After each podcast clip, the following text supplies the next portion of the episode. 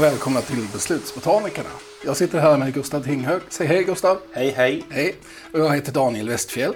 Och idag så ska vi prata om hur man fattar beslut över livsspannet. Finns det förändringar från det att man är ung, liten, barn, till medelålders, till gammal? Från det att man är en liten tussilago till att man är en, en, en sån här stor, eh, dassig eh, stockros. Stockros. Ja det, ja, det var det enda jag kom på. En, gam, de, eh, En sån riktig kros. en vissen stockros. Okej, det ska vi prata om. Så avsnittet är alltså Homo veteris, som är den, den gamle beslutsfattaren. En Kan du alla de här homogrejerna, i, liksom, eller har du googlat fram dem innan? Jag, det här, för det har jag inte hört homo veteris. Nej, Du, bara, du, du bara- är som ett uppslagsverk när ja, det gäller de här så är det. Det här, det här kan jag. Ja, Det här är liksom the shit. Det är, alltså, det är hela grejen att, att artbestämma och benämna. Det viktigaste är ju, alltså vi vill ju ha en Homo gustavianus, Gustavus. Om du, får, om du hittar en beslutstyp som är så, liksom, som du kan få sätta ditt namn på. Det är ju målet. Jag lyssnar på Richard Dawkins. Han är en intressant person, men han har ju flera så här konstiga små fiskar upp, sån här Dawkensius, upp, upp, eh, namngivna efter honom. Det, det är ju ganska hårt, tycker jag. Så att jag skulle vilja ha ett litet djur, eller åtminstone en beslutstyp som är upp, vad heter det, namngiven efter mig. Det hade varit fint. Ja, nu börjar jag tänka på Sebastian Dawkins. Eh, och, och så kunde inte jag koncentrera mig på vad du sa, men du ville ha någonting uppkallat efter dig. Ja. Eh, Men vad tänkte du på med Sebastian Dawkins då? kände du honom? Nej? Det var han som var med i Farmen. Ja, men för fan Gustav. Sebastian Dawkins från Farmen. Ja, det var, tider det. Det, det, det. Får du gå hem och kolla på. Han var rikt, en riktig crazy dude alltså. Han hade sådana glasögon.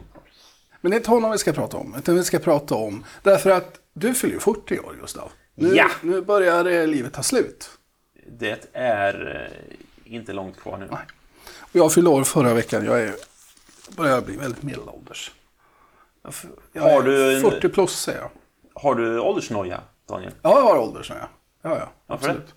Eh, nej men alltså det är, ju, det är ju jobbigt att bli gammal ju. Eh, det är ju lite så här ont och jag är lite, det är jobbigt att röra sig ibland. Och man känner ju av att man inte är sådär purfärsk alltså. Aha. Nej, det, du känner inte av det här alls? Du har inga ålderskrämpor?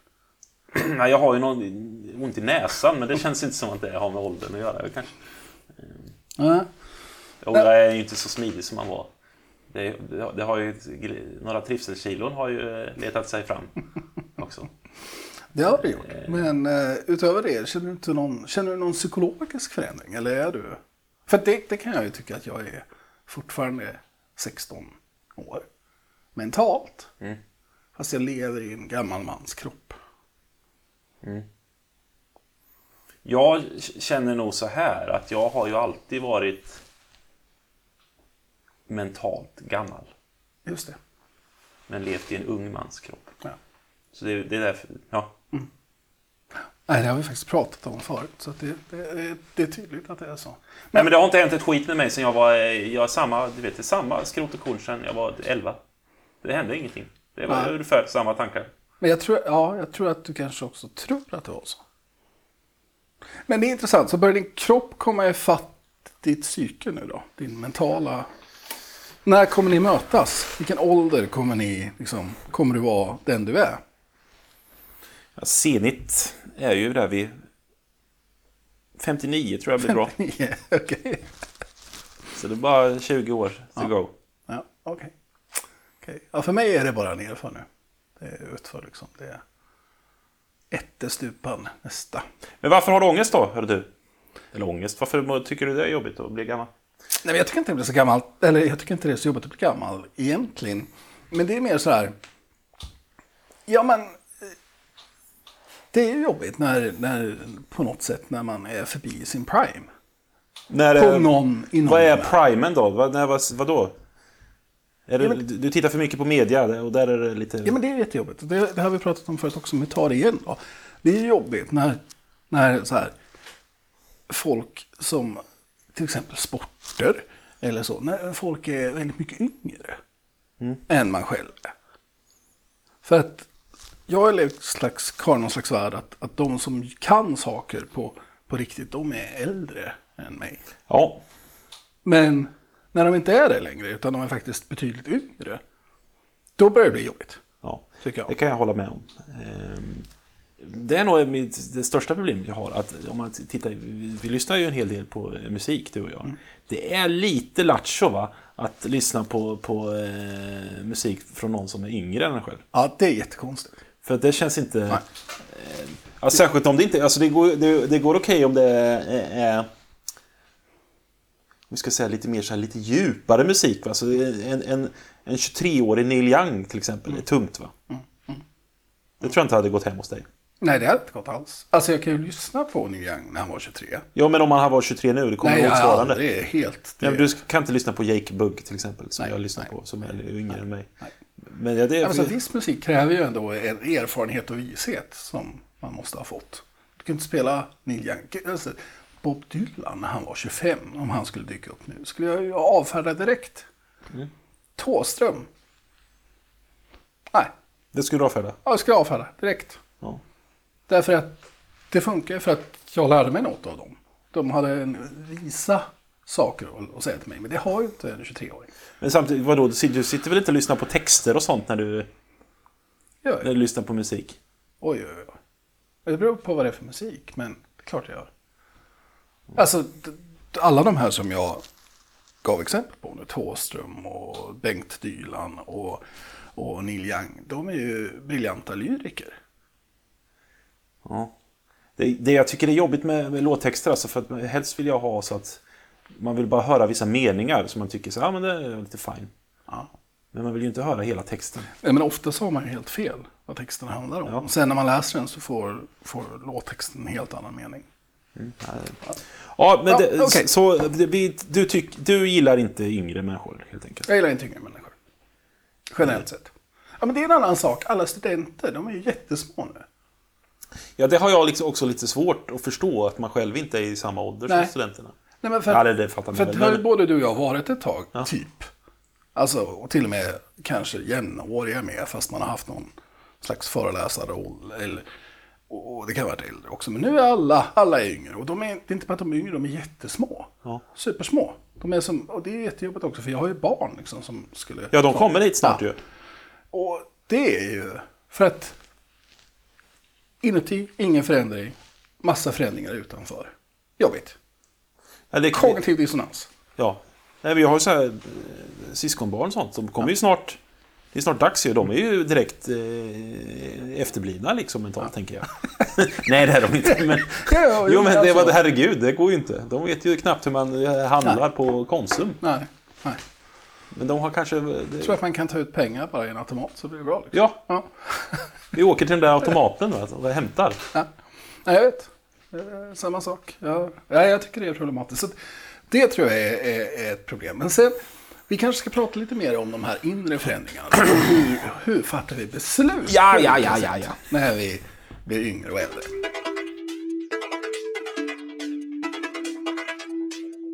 Eh, Känner du att du fattar beslut på andra sätt nu än mot när du var lite yngre? Och tror du att du kommer fatta beslut på ett annat sätt när du kommer i din senhet då i 59 års ålder? Ja. Men man grubblade ju mycket mer eh, när man var lite yngre och eh, förlurade på, eh, på saker. Tyckte jag.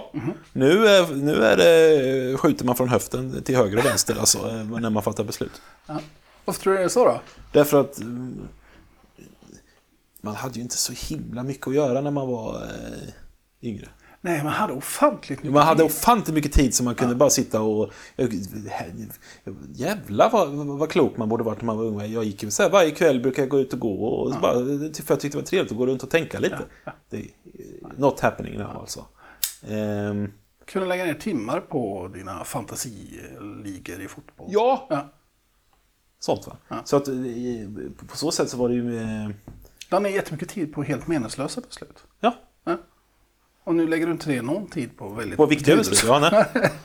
nej men så- så- ska man köpa ett hus på... Ja, det gör vi.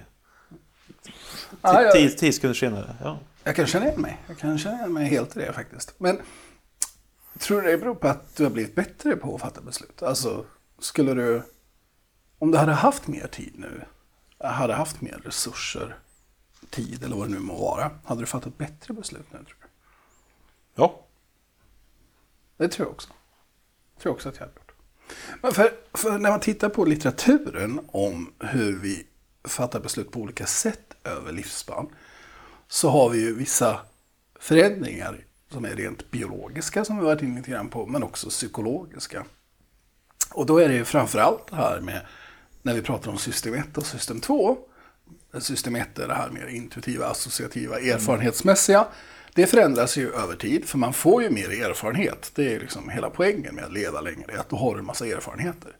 Så system 1 förändras över tid. Vi får mer och mer erfarenheter. Vi programmerar upp systemet till att bli bättre. Ja, vi lär oss att vissa saker funkar, andra saker funkar inte. Så där finns det en fördel, kan man säga, med att bli äldre. System 1 blir lite skarpare. Men system 2 då, som är de här mer beräkningsmässiga kapaciteterna, alltså ren kognition. Hur mycket kan du tänka, hur mycket kan du hålla i huvudet, hur skarpt är ditt minne, hur skarpt är ditt arbetsminne. Det går ju bara neråt. Eh, Det, det är lite olika beroende på vad det är för typ av förmåga. Men jag brukar säga till mina studenter att man pikar när man var 14 och sen så börjar hjärnan dö. Och det är inte sant, men om man tittar på de kognitiva förmågorna så är det vissa av dem pikar jättetidigt. Vad är en kognitiv förmåga för oss som... eh, Ja, men sådär, som det kan vara att hålla saker i minnet. Ja. Hur många saker kan jag hålla i minnet? Hur lätt kan jag uppdatera information? Man pratar ibland om exekutiva funktioner. Hur kan jag inhibera? Hur kan jag på olika sätt... Vad är, vad är, om man tänker hur mycket internminne har jag liksom, för att... Beräkningskraft. Ja. Eh, och det, det minskar då från, från att vi är 14 till 30 ungefär. Och sen så går det ner ganska kraftigt. Och man pratar ju om den här kognitiv nedsättning, kog, kognitiv svikt är ett vanligt begrepp för, för de som är riktigt gamla. Låt oss säga 75 och över. När man börjar ha svårt att komma ihåg var man har lagt sina grejer och sköta vardagen. Då vill jag intro- introducera ett annat begrepp. Ja. Kognitiv gikt. Kognitiv gikt, ja okej vad är det då? Det, det är när man... eh, När man blir äldre att, att man... eh, Jag vet inte riktigt. Man blir väldigt känslig för, lite psykosomatisk. Som Ja. det är, kanske. Ja. Det är det. Ja. Bra att du hjälpte mig på den. eh, Jag, ska, jag kommer tillbaka till det här i nästa podd. ja, mycket bra. För Kog- det finns någonting att man, man, man, man, man, ork, man orkar ju inte va? Stå emot, nej. Nej man, nej, man orkar inte fatta beslut. För att det gör så ont när man är, blir gammal att fatta beslut. Och bryta invanda mönster. Ja? Så därför så orkar man inte väga för och nackdelar. Det kunde man hålla på med när man var yngre. Och det är vad som är kognitiv gikt. Där har du det. Den Ja. sitter. Så är det. Ehm, Där finns inte så mycket forskning ännu. Men det som jag pratade om innan, det här med förändringar i system 1 och system 2. Kognitiv svikt bland annat, inte kognitiv gikt. Det finns det ganska mycket forskning om. Mm, bra. Du, det ska jag prata om mig själv här igen. Eh, jävlar vilket minne jag hade förr i tiden. Jag, kunde, du vet, jag behövde ju inte plugga någonting när jag, när jag var yngre. Du vet, jag gick bara. Och så, lyssnade jag där och sen kom jag ihåg det ordagrant. Och så, så tittade jag i boken, kom ihåg. Jag kommer inte ihåg shit nu för tiden. Ehm, Jag har samma upplevelse. Och, och det är lite så här, jag har tagit lite stolthet i att jag kommer ihåg vissa saker. Ja. Som så här, titel och författare till exempel på artiklar, det har jag bara kunnat rada upp. Och nu är jag så här, ja, den här han, den här personen med... Och sen så kommer jag inte ihåg hur folk ser ut heller. Så det blir ju liksom helt vansinnigt. Jo, men det, du, det, det har jag aldrig märkt, men du är ju oerhört duktig på att eh, bara, bara namedroppa eh, artikel. Eh, Ja, men jag har varit mycket bättre. Nu kommer jag inte ihåg. Alltså jag kunde komma ihåg sidnummer och sånt där. ja. Det, och förstås vad som stod i artiklarna. Men nu är det bara en massa allting. Ja, nej, för min... Jag kan ju namedroppa väldigt mycket artiklar som jag gjorde som doktorand och sådär. Då vet, kunde jag nästan varenda artikel. Men det kanske också är att man läser mycket mer nu. Eller, eller det fladdrar förbi mycket mer nu. Jag vet inte. Jag fick ju det här lite svart på vitt. Va? För jag skrev en, en, eh, en översiktsartikel. Ehm, en sån här inbjuden artikel ihop med, med Stefan Dickert. Ehm, och av någon anledning så skrev jag ganska mycket om, och det handlar om känslor och sådär. Och uppenbarligen så är min, min kunskap om känsloområdet väldigt bra fram till dess att jag disputerar. För en kommentar från granskaren var att ja, men det har hänt grejer efter 2000. Jo, men, Inom det här fältet. jo, men det... Och det, och det kändes ju ganska jobbigt. För att jag, mina go-to-grejer var liksom lite för gamla tyckte de då. Så jag, jag har uppdaterat min kunskapsbas tillräckligt mycket. Och det, det visste jag ju om. Men när man får då någon som påpekar det också. att hmm, Bra, du är en expert fast lite out of date kanske. Ja. Ugh. det var ju bara att gå och dra täcket över huvudet och läsa. Nej, inte bra. Inte bra. Men ska vi prata om hur beslut förändras? För vi har de här förutsättningarna som förändras. Vi, det, så är det bara. Och nu pratar vi inte om, om, vi pratar om kognitiv psyk. Vi pratar inte om att man har riktiga problem som Alzheimers och sådär. Men den här naturliga variationen som sker över ett livsspann då, hur påverkar det vårt beslutsfattande? Det, det kanske vi kan prata om lite grann. Vi har kommit fram till att vi upplever introspektivt att det har varit väldigt starka förändringar. Eh, Men det finns forskning också. Ska jag dra några exempel? Vad som händer när man blir äldre relativt yngre. Ja, dra, dra så vi får lära oss. Ja. Eh, Då finns det en annan teori som är väldigt viktig här. Och det är det här med att Eh, vi har också en motivationell förändring. Så Laura Carstensen som är vid Stanford, hon har en teori som heter Socio-Emotional Selectivity Theory. Som handlar om att när vi blir äldre så värderar vi positiva upplevelser mycket mer än negativa upplevelser.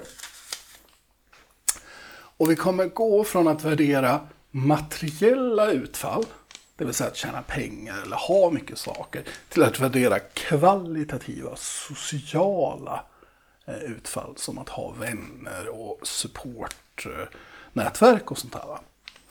Eh, så den forskningen har visat att äldre exempelvis har ju väldigt svårt med förluster.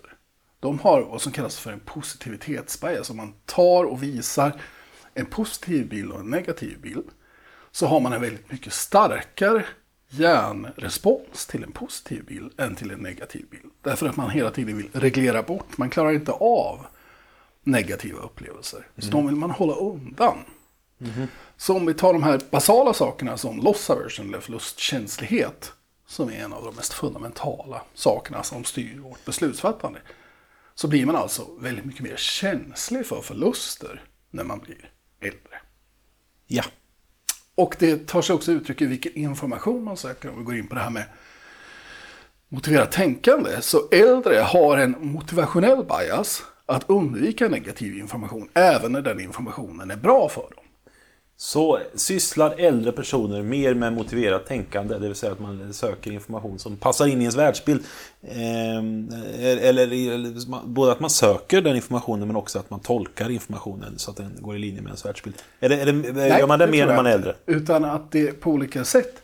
Så att när man är äldre så söker man positiva upplevelser och kanske saker som bekräftar vidmakthåller den här eh, positiva, eh, alltså det är en känsloreglerande mer än vad det är kognitivt. Eh, Medan som ung, då faller man ju också för motiverat tänkande. Fast då kanske det är mer att man, man bortser från negativ information. Man kan hantera den negativa informationen, man processar den, men man hittar motargument istället. Eh, det tror jag. Men, och det finns ju studier nu som har kommit ut som visar att äldre, de faller ju mer för fake news. Ja. Så att där, i den bemärkelsen, så kanske du har rätt. Ja. ja. Och det var ju den bemärkelsen Ja. jag sa. Mm. Tänkte jag. Men...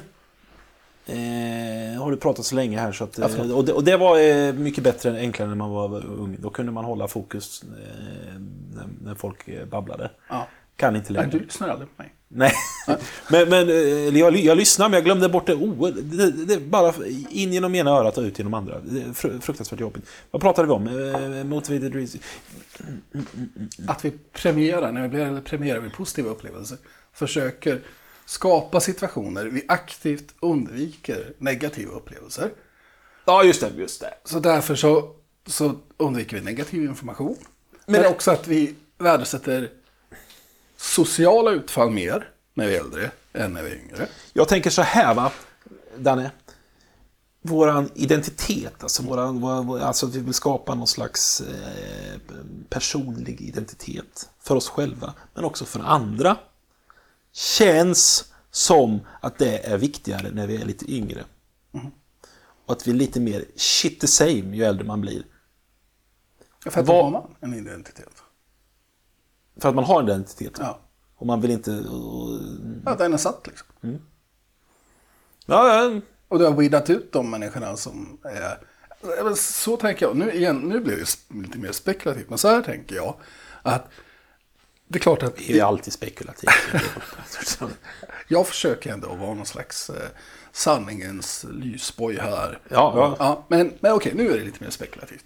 Eh, då tänker jag att, att när man är yngre, framförallt kanske i tonår och sådär, då handlar det ju väldigt mycket om någon slags social identitetsbyggnad. Ja. Den här personen är jag och jag är där. Jag var hårdrockare liksom och så hängde jag med en viss typ av människor och sådär. Det var inte förrän jag blev gammal jag kunde erkänna att jag var syntare också. För jag är född i den eh, generationen där det var viktigt liksom vem man var musikaliskt. Ja. Eh, men, men, men sen då, när man blir äldre, då har man väl satt någon identitet. Och då har man också lyckats få bort de här människorna som är hotande mot den identiteten. Man umgås inte så mycket med dem. Och man är lite mer set, i, set in your ways liksom. Att det är så här det är. Och lite så mer skit, det vill jag i. Så då är hypotesen så här. Att de yngre, det är de som sysslar med motiverat tänkande. Det vill säga att de får, eh, de, de får informationen men hittar motargument och eh, argumenterar sig runt eh, information.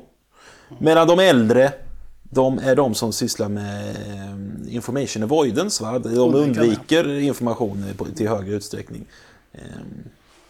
Ja, eller, eller att man bara skiter i det. Det är också en sån sak som i den här debatten kring fake news. Så en sak är motiverat tänkande och det handlar om att man söker bekräftande information eller undviker. Det andra kan ju vara att man bara är, är lat. Därför att det här är inte meningsfullt. Det här är inte så viktigt för mig. Liksom, att ta en ståndpunkt i det här. För det är lite roligt, det, det håller jag ju på med med Dante som är min son som är tonåring. Man kan ju bara peta på honom med vad som helst så går han igång. För han är en tonåring och hög på testosteron. och då peta på Ja, men alltså, jag kan säga vad som helst som jag egentligen inte tycker. För han måste ta ett motargument då.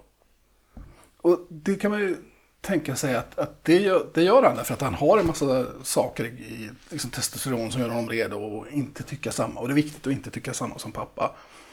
Medan jag predicerar att han blir lite äldre så kommer han bara, ja ja, Han kommer tycka exakt som du. ja. Formativt. Nej men är du med? Att Ja, ja, ja. jag tror att det kan vara lite grann så att, att det är inte bara att man undviker information när man blir äldre, utan man bara skiter i väldigt mycket. Det är väldigt få saker man verkligen bryr sig om. Och det ligger ju också lite i den här socioemotionella selektivitetsteorin, att man selektivt nyttjar sina resurser. De begränsas. Ja. Och jag, jag kör liksom, när det verkligen betyder någonting. Då. Ja, precis. Jag tänkte så, du sa lat, jag tänkte säga smart ibland också. Va? För att det kan inte hålla på och lägga massa energi på allt möjligt skit. Nej. Och det är kanske ett tecken på att jag börjar bli eh, just en sån som undviker all möjlig information som jag inte vill höra. Ja, men så är det ju. Jag tror att det är väldigt viktigt att, att tänka att det är smart. Att, och det, det är verkligen den här bounded rationality. Att vi har begränsade resurser och vi nyttjar det på bästa sätt. Men så därför ska man inte tänka sig att ett äldre, när man blir äldre så blir man bara sämre på att fatta beslut. Utan de här två sakerna som jag pratade om, att system 1, vi har mer erfarenheter, det kan kompensera för kognitiv nedsättning. Och sen att vi har den här förskjutningen i motivationella perspektiv. Att vi, vi, vi har begränsade resurser, men när det verkligen betyder något för oss, när vi vet också mer, när det är viktigt för oss, då kan vi sätta in de här resurserna. Ja. Tack. Det tycker jag är ett, ett positivt eh, budskap om att bli äldre. Ja, men vadå, om vi ska ha någon att fatta beslut så väljer vi ju hellre en äldre än en, en, en, en, en yngre. Oftast. Det beror på vad det är. Ja, ja, ja, ja, titta, titta på medelåldern på amerikanska sådana här eh, domare exempelvis som sitter och fattar riktigt viktiga. De här lökarna som är de här De som sitter nio justice. ja, hela livet sitter. Ja, de sitter hela livet. Men de kommer ju ofta dit när de är så här 67 är den yngsta kanske. Ja. Jag vet inte. Men sitter de till och med 95, 100. Och då är det verkligen mycket den här visheten. Man tänker, åh, här finns det en massa erfarenhet som... Nu har du så ett helt liv samlat på dig erfarenheter. Så att jag är inte alls säker på det. Att man alltid väljer en...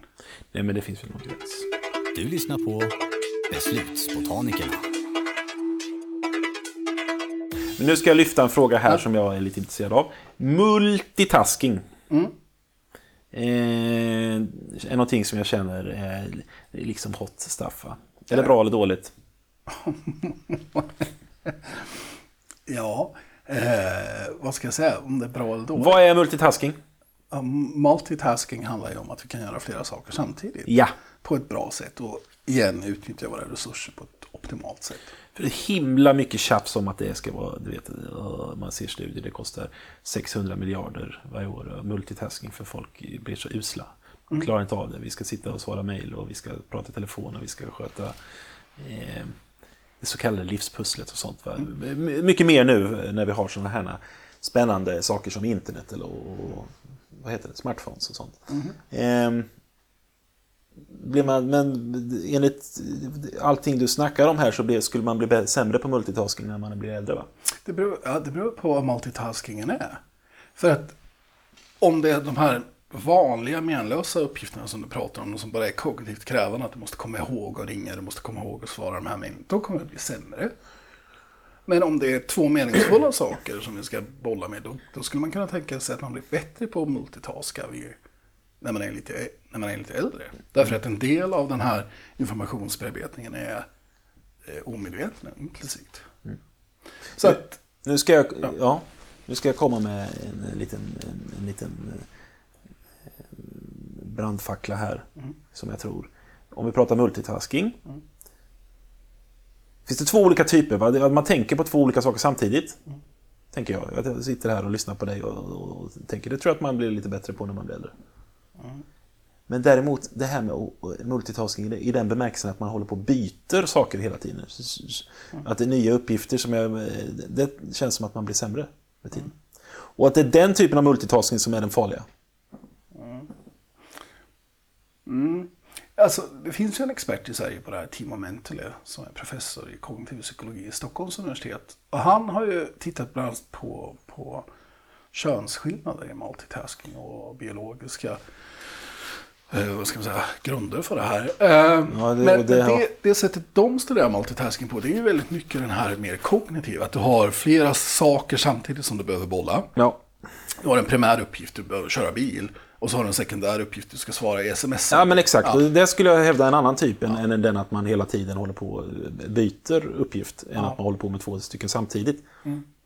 Det, det vet jag inte så mycket om. Det finns ju en del, i alla fall, så här, eh, idéer om att...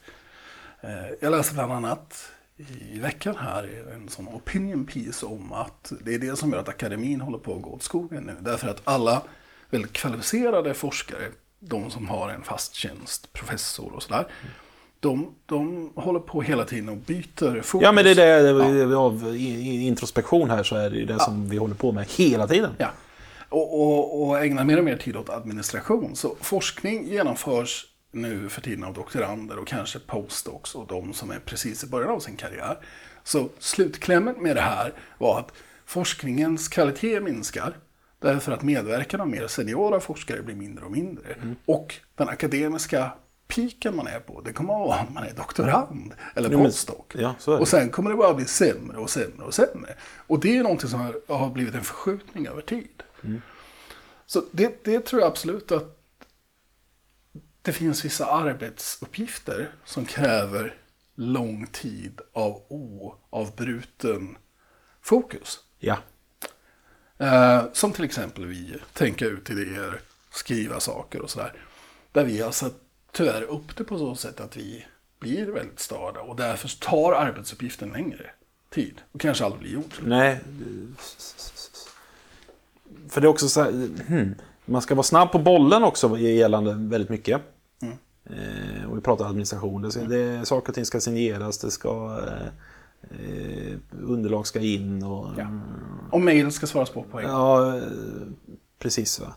Eh, kan vi inte un undgå det genom att bara... Vi sätter en dag i veckan när vi gör administration istället.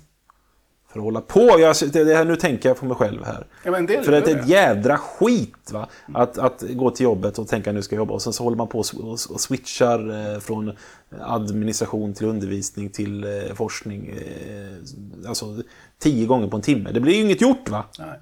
Det blir piss.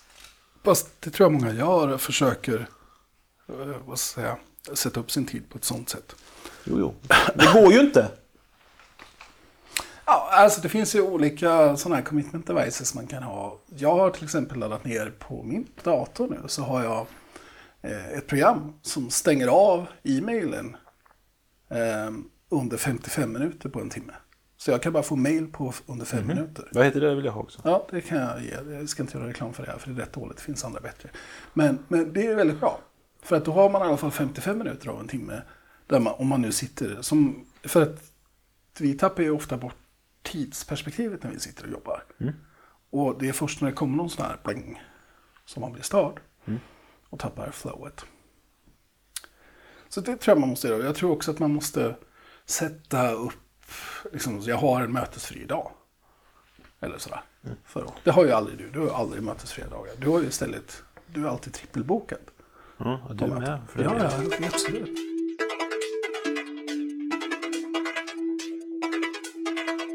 Multitasking, Gustav. Multitasking. Visst, det är alltid populärt. Kön- Könsskillnader. Kvinnor är bättre på multitaska än män. Sägs det generellt. Ja. Är det så?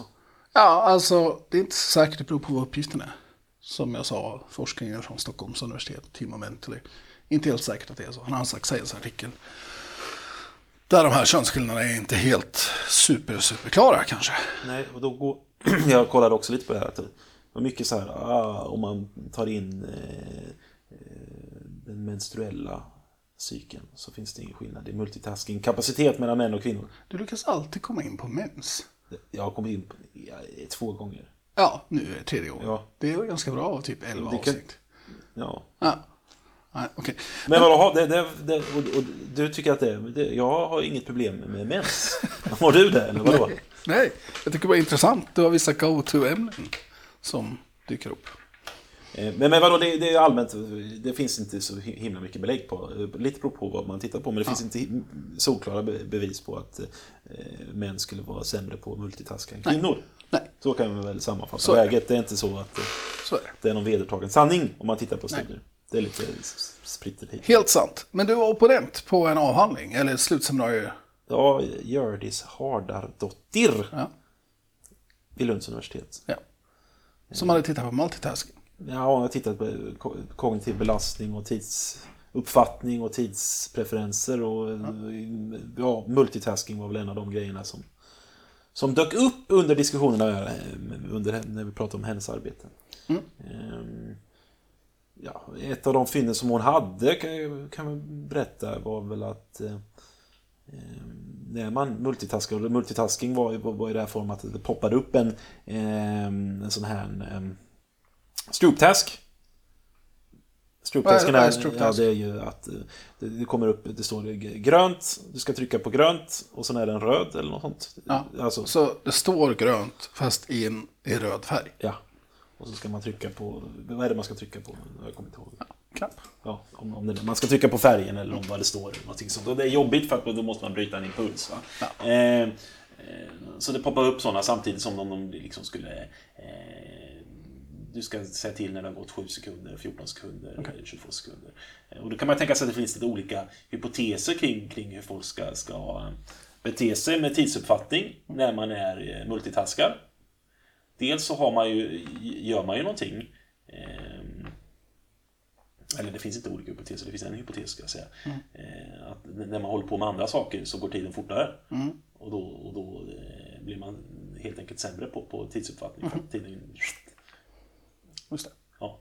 Eh, För det är inte en primär uppgift att hålla koll på tiden. nej. Eh, Men skulle det inte kunna vara så att man blir bättre om man tänker att, att vi har en intuitiv känsla för tid? Och så belastar du system 2. Har vi en intuitiv känsla för tiden? Jag vet inte, det måste vi väl ha. Eller en del har väl det. Jag känner att det är väldigt, väldigt eh, anpassat. Vi pratade ju tidigare om ibland försvinner ju bara tiden. Ja, ja visst. Men å andra sidan är jag ganska... eh, Jag känner att jag har en intuitiv känsla för att jag vet exakt vad tidklockan är. Ja. På minuten nästan. Ja. Vad, är, vad är klockan nu? 11... 24 kanske? Aha, fem minuter fel. 29. Samtidigt kändes det som att vi hade spelat in den här podden i en timme och en och en halv timme. Men vi hade bara spelat in i 22 minuter upptäckte vi nyss. Ja, ja, det, Nej. det stämmer inte. Eh, eh, så, men, men att det här med kognitiv belastning eller multitasking påverkar inte hur man eh, tidspreferenser, alltså det vill säga huruvida man vill ha pengar nu eller i framtiden. Okej. Eh, det var väl ungefär det hon kom fram till. Och där kan man tänka sig att det finns lite olika hypoteser. Va? Dels att eh, eftersom man håller på med multitasking så går tiden fortare. Och eftersom tiden går fortare så ska man liksom välja eh, då tänker man då, det, då, tar det inte så lång tid att vänta på, på pengarna heller. Så då blir man mer eh, impatient eller to, eh, ja, Impulsiv. impulsiv för att vänta på pengarna. Men också eh, när man blir, har, eh, blir mer kognitivt belastad så, så har man ju mindre motståndskraft för att liksom ta belöning nu. Just det. Eh, tanken. Det är, jobb, det är, jobbigt, det, finns, det, det är mentalt jobbigt att motstå eh, skjuta upp, eh, att, att, liksom in, att motstå frestelsen, självkontroll. Så att det blir lite konflikting i överensstämmelse. Så- Så, så de effekterna skulle eventuellt kunna ta ut varandra om man pratar om det. Men så din tanke är att äldre med mindre kognitiva resurser, de borde vara mer utsatta för negativa effekter av multitasking. I den typen av multitasking. Det är väl helt rimligt. Det är bland annat därför man pratar om det här med äldre bilförare och sådär, att det kanske finns någon slags gräns. Det kan ju också vara rent motoriskt och syn och hörselnedsättningar och sådär också, men det finns också kognitiva nedsättningar. Som det här begreppet kognitiv speed, alltså bara hur snabbt man reagerar på någonting. Till exempel ett rödljus. Um, är ju en viktig aspekt där också. Bra. Uh, Okej. Äldres beslutsfattande mot yngres beslutsfattande. Vi har varit inne på lite olika saker. Förändringar i system 1, system 2, motivationella förändringar. Eh, Det är väldigt intressant där därför att äldre måste ju fatta en massa beslut, kanske nya beslut.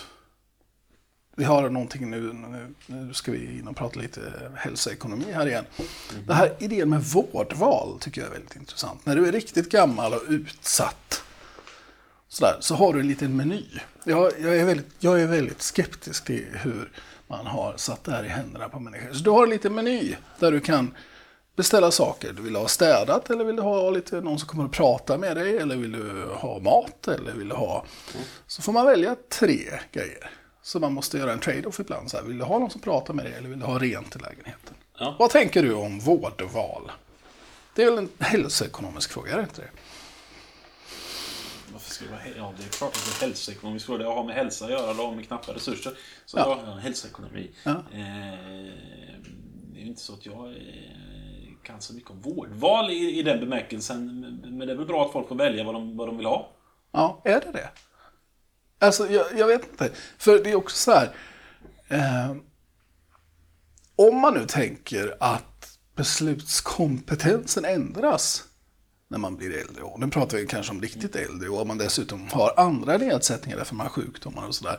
Ska man då lägga det på folket om de ska få välja om de vill umgås med någon eller ha städat i sitt hem? Du tänker att man är lite förståndshandikappad? När man Ja, jag menar inte att man är liksom förståndshandikappad. Staten ska eh, köra så alla, alla får umgås. Ja, men det är väl socialister inom mig som skriker att varför måste vi alltid ha mera val hela tiden? Ja. Det, det behöver inte betyda att den som är mottagare av välfärden är, är förståndshandikappad eller vad du nu ville... Nej, men du, det är ju så här, var, men du var ju inne, inne på det här, Varför ska de äldre? Då, då vill man ju inte fatta något beslut. Men, Nej. du, du själv hade ju, hade ju inte accepterat om någon Nej, nej. om Nej. du inte hade fått välja. Nej, Varför, varför tror du att de äldre då i, att det ska vara någon samarit och ta bort alla val från de äldre? Nej, jag är inte säker på att, att, att alla är som jag. Och det, det är lite där utanför, utifrån perspektivet som jag har här. Va? Lite, det, jag sitter på mina moraliska höga hästar här och tycker att eh, okej, det är knappa resurser, men är det inte lika bra att alla får lika då? Men det du säger är mer eller mindre, är det inte lika bra om alla får allt? Ja, det hade varit det bästa, men det Ja. går ju inte. Eller? Eller vadå, eller att alla får inget? Vilket tycker du är bäst? Ja, nej, en svår fråga. Men, men jag vet inte. Jag har inget bra svar på det. Men, Men visst är det så, det är ju mm, mm, komplicerade val inom hälso och sjukvården. Men det här låter ju inte som... Jag kan inte det här, men om, vi pratar om vad är det, vad är det för, för stöd man vill ha. Så känns väl det som är ri- är rimligt att man får, får tycka till om det. ja, fast det beror lite på hur man sätter upp vad de här valen är. För att Ja. det känns som att man får göra helt vansinniga trade-offs. Mellan basala behov. De kanske inte borde vara optional. Ha rent i sitt hem. Om man inte kan städa själv. Jag har inte så rent i mitt hem. Nej, du har inte så rent i ditt hem, men du kanske inte är liksom prototypen för normala människor. Men du förstår vad jag försöker säga då, tror jag. Ja. Att det kanske är lite konstigt när man får trada att sitta och prata med någon i 20 minuter mot något mer basalt. Som att bli tvättad. Ja. Det kan jag tycka är lite sån här sacred value som man är och petar på. Liksom. Så, att, så att valfrihet är väl bra, generellt sett. Men, men jag kan också ifrågasätta att, att man gör valalternativ av allting. Därför att äldreomsorg kanske ändå ska ha någon slags basal nivå där man liksom, Ja, då tyck, det du tycker här. Jag, bara, jag, vet- jag vet inte vad jag tycker. ja, du tycker att den ba- basala nivån är för låg helt enkelt. Ja, det är det. Det är det du tycker? Ja, det är det jag tycker. Eh, eh, och det har inte så mycket med huruvida folk ska få välja eller inte. Eh, Fast det var en viktig reform tycker jag. Som, som har kommit under de Ja, ja, ja. senare åren. Att vi, vi går från att det är den här hjälpen du får till du får välja vilken hjälp du får. och då är det vissa personer som väljer och andra personer som inte väljer. Ja. Ja. Eh, och de som inte väljer, det är ju inte så att de, de hamnar väl... Nej, de, får- de, de får inte någon, det är inte så att de inte får någon hjälp. Så Nej. är det. Nej, nej. Men oavsett de här sakerna då. Med hur får vi vidare vårdval är bra eller inte. Det kan vi debattera hur länge som helst och vi vet ingenting om det. Så vi kanske ska sluta att debattera det. Men, men man kan ändå säga att när vi blir äldre så är vi lite sämre beskaffade att lösa nya system 2-uppgifter. Ja. Och när vi är yngre så är vi lite sämre beskaffade att lösa uppgifter som kräver system 1-erfarenhet. Ja. Så det är varken bra eller dåligt att vara ung eller gammal. Nej. Därför att det finns någon typ av kompensation. Och alltid för att vara en bra beslutsfattare så handlar det om att kunna använda kombinationen av system 1 och system 2, vårt Det- analytiska och intuitiva tänkande. När vi ska använda det ena och när vi ska använda det andra, som är det som kännetecknar att vara en bra beslutsfattare. Precis. Mycket bra.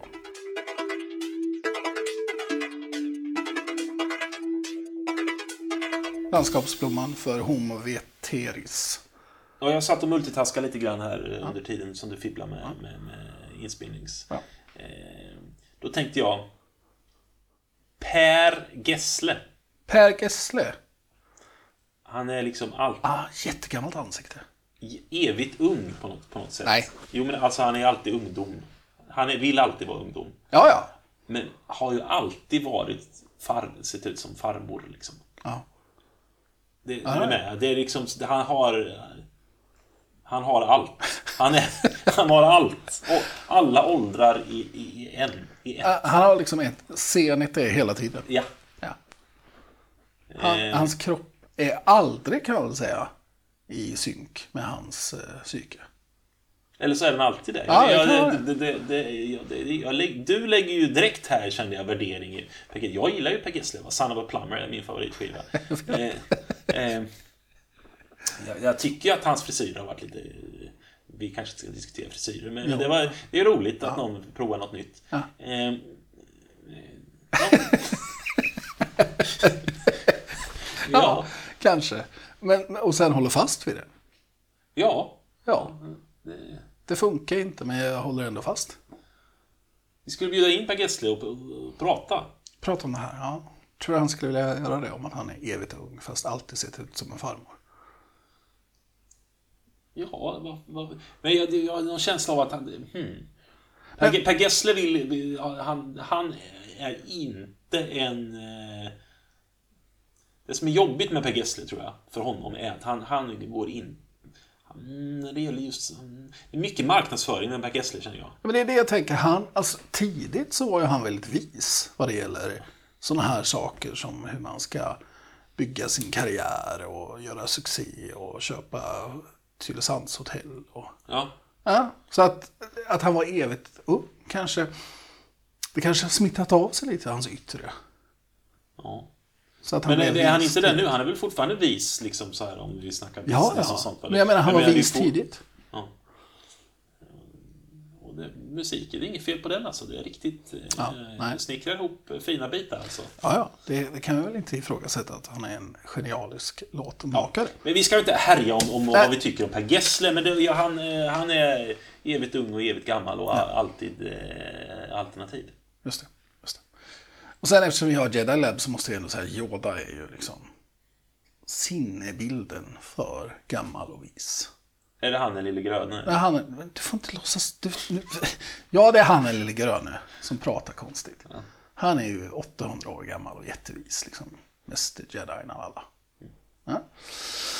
Bra. Ja, alltså jag vet inte vad det blev av det här. Det är alla hjärtans dag idag. Hur ska du gratulera din fru?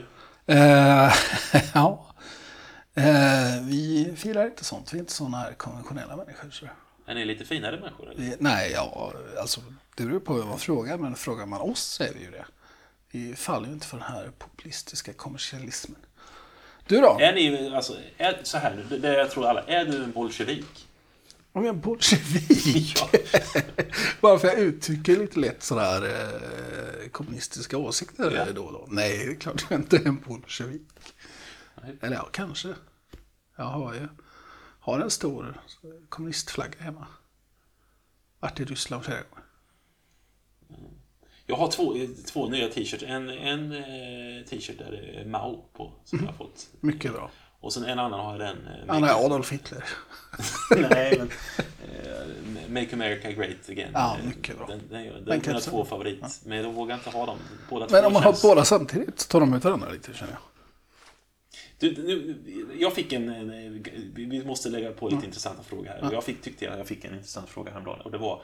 Var Saddam Hussein och Adolf Hitler, Adolf Hitler överoptimistiska? Om vi pratar om... Kim Un-Jong är nog överoptimistisk. Tror du inte det? Vad grundar du det på? Nej men alltså, jag grundar det på att han, han har ju inte kapacitet att skjuta sina raketer mer än typ 100 meter i nuläget. Det är väl en form av överoptimism men ändå går att paradera. Jo, men han har ju, han har ju fått, eh, får ju rätt mycket utrymme. Ja, ja, absolut. absolut. Dikterar ju rätt mycket i, i Ja men överoptimism kan ju spela över till andra människor så att de bara köper det rakt av. Men, men om vi går till Hitler och, och, och eh, om vi pratar over, eh, överoptimist bias. Ja, alltså Bombar-Bob, Bagdad-Bob var ju överoptimistisk. Det har vi redan etablerat i tidigare avsnitt. Ja, Eh, det vet väl inte jag. Alltså, men jag, mina studenter frågade mig detta i häromdagen och de hade gjort en graf här. Liksom, så här. Och då, då, eh, så här vanliga personer. Och sen så hade vad har de, du för kurser där ni studerar Hitlers överoptimism? Jag- Är det nationalekonomi? Ja. Nej, men det var bara för att liksom, på, på den ena liksom, ändan av, av, av eh, optimism låg Hitler och Saddam Hussein. Okej. Som liksom så här, för att, ident- vad, vad är överoptimism egentligen? Och då hade de lagt de två där. Jag bara. Ja, Jag är inte säker. För att, Nej, jag är inte heller så säker. Han hade väl rätt mycket going for sig, eh, Hitler där. Ja, ja, absolut. Nej, men eh, och det är också lite så här. Ja, i hindsight så var han ju överoptimistisk. Men Ja. Eh, små saker som gör stor skillnad. Problemet var väl för krig på för många fronter. Och sen kommer bolsjeviken fram med att Stalin var så stark. ja. ja, ja, Det var, om den, med, med det... Vi vet inte Nej, vi vet inte. om de var överoptimistiska de här två. Nej. Det, det vet vi inte helt enkelt. Och med, det, med den bombkällen tycker jag vi slutar idag.